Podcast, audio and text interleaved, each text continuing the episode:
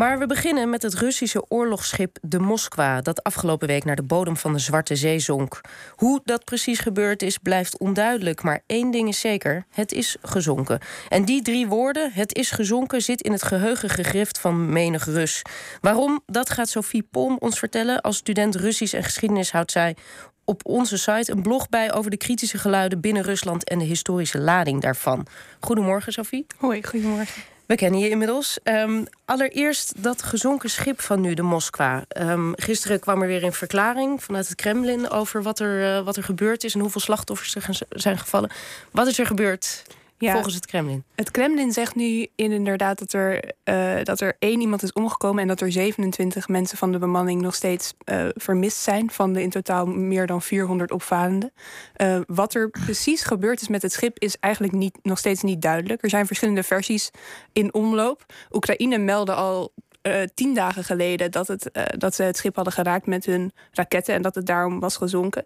In eerste instantie ontkende Rusland dat een paar dagen. En um, uh, inmiddels hebben ze wel dus toegegeven dat het is gezonken, maar ze hebben een heel andere versie van waarom.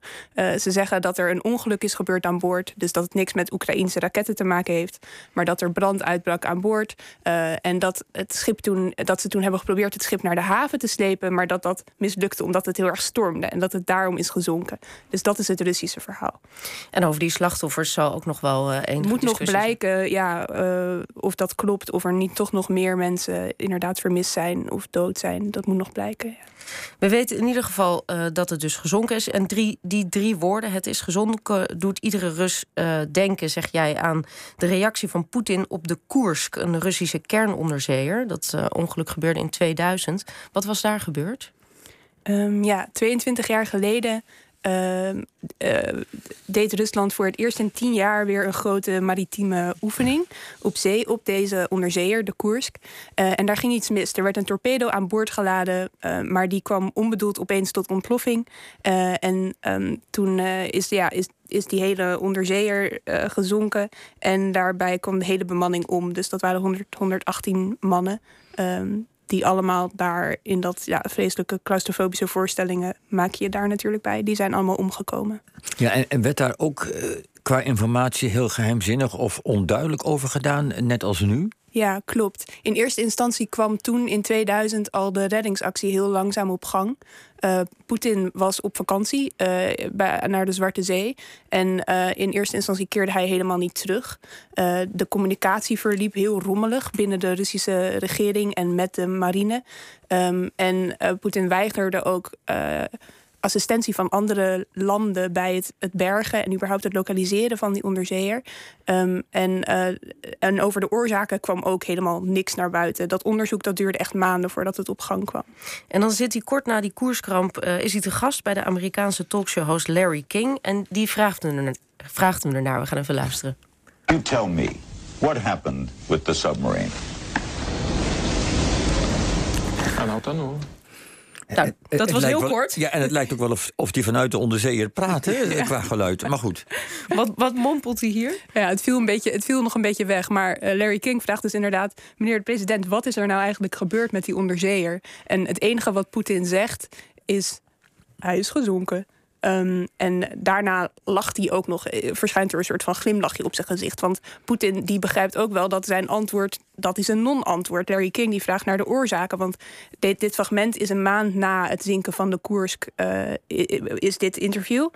Uh, en er is nog steeds niks bekend over de oorzaken. Dus Larry King die wil echt opheldering of excuses. Die wil dat Poetin verantwoordelijkheid neemt. Maar Poetin die doet dat helemaal niet. Die zegt alleen maar een soort dooddoener. Uh, het is gezonken.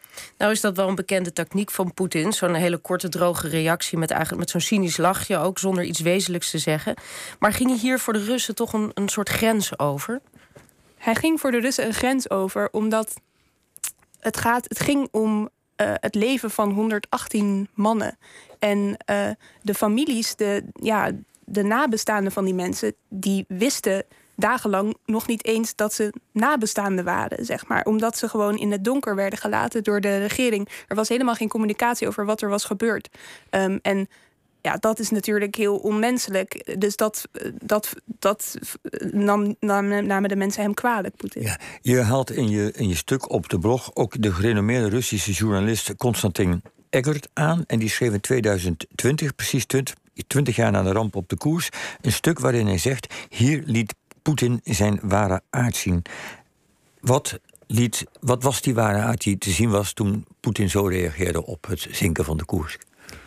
Nou ja, eigenlijk twee dingen. Dus in eerste instantie dat hij smalend lacht uh, om het leed van burgers en, uh, en uh, de onwetendheid van mensen in de samenleving. Dat hij daar gewoon om lacht. dat toont aan dat hij eigenlijk individuele burgers als details in, het, in zijn politieke apparaat ziet. Dus dat hij helemaal niet hen als mensen beschouwt, maar als pionnetjes. Um, en uh, daarbij ook dat hij liegt en informatie achterhoudt op het moment dat er een vraag komt vanuit de samenleving naar iets heel wezenlijks, namelijk wat is er gebeurd, wij willen dit weten. Uh, dan zegt hij gewoon niks. En, en die uitspraak, uh, het is gezonken, is ook een beetje een eigen leven gaan leiden in het Russisch, begrepen we. Hoe, hoe zit dat? Ja, klopt. In het, ja, in het Russisch zijn het zijn het eigenlijk maar twee woorden, uh. Maar dat stukje uh, waarin hij dat zegt in Larry King, dat filmpje is heel bekend. Dat, uh, dat circuleert nu op social media. Um, en, um, maar eigenlijk waar het voor staat, dus het principe wat erachter zit, Namelijk dat vanuit de Russische samenleving een, een, wezenlijke vraag wordt gesteld: wat is er gebeurd, wat is er misgegaan? Um, dat er daar geen antwoord op komt. Dat principe dat heeft overleefd. En uh, dat komt nu ook in andere vormen van kritiek terug, waarbij mensen kritiek willen leveren op. Uh, op dat het regime geen verantwoordelijkheid neemt voor hun daden. Bijvoorbeeld in het geval van corona. Uh, waarbij de Russische, het Russische beleid faalde. Eigenlijk de, de vaccinatiecampagne kwam niet goed op, op gang. Informatievoorziening was slecht. Daardoor stierven onnodig veel mensen, is dan de kritiek. Um, en dat, dat, dat, dat dooddoenende vraag-antwoord model, dat kwam terug in de kritiek hierop. Uh, dus de vraag is dan, waarom zijn er in Rusland zoveel oudere mensen en zieken gestorven? En het non-antwoord is dan, ja, ze konden niet meer ademhalen, dus ze zijn gestorven. En dat komt dan naar analogie van, het is gezonken. Uh, uit die analogie komt dat voort. Dus gewoon een soort non-antwoord, wat eigenlijk nergens over gaat en alle verantwoordelijkheid ontkent. Die onderzeeër is dus eigenlijk ook voor meer dan alleen, of eigenlijk de reactie is voor meer dan alleen de ramp zelf gaan staan. Uh, geldt dat nu ook voor de, voor de Moskwa? Zit daar nog een soort uh, symboliek aan? Zeker, want we kennen dat schip al veel langer. Uh, de oorlog gaat nu de derde maand in. Maar al sinds de tweede dag van de oorlog, op 25 februari, kennen we de Moskwa. Um, want toen lag die boot die lag voor de kust van Oekraïnse Slangeneiland. En eisten daar de overgave van de militairen op het eiland. En toen kregen ze die hele bekende Russische verwensing naar, hun, naar het schip toe geslingerd. Uh, zo van, uh, ja, krijg de kleren of zoiets, uh, wordt dat dan vertaald bij ons. Um, en die verwensing, die is nu ja, het, is, het is uitgekomen. Het, was, het is een soort vloek gebleken. Dus dat is, een, dat is heel symbolisch. En er ehm, lag geloof ik ook een, een, een, een stukje bot of een, stukje, christelijke stukje hout, Een stukje hout, geloof Klopt. ik. Daar was iets mee. Klopt, ja. In 2020 uh, is er voor de Moskwa, voor die enorme kruiser... een duur uh, reliquie aangeschaft een christelijke reliquie ter waarde van 40 miljoen dollar. Een stukje van het kruis van Jezus om het schip te beschermen. Nou ja, dat heeft dus ook niet mogen baten. Dus de symboliek is dan nu: uh, God heeft Poetin verlaten. Dat kruisje, of dat stukje van het kruis, ligt nu ook op de zeebodem.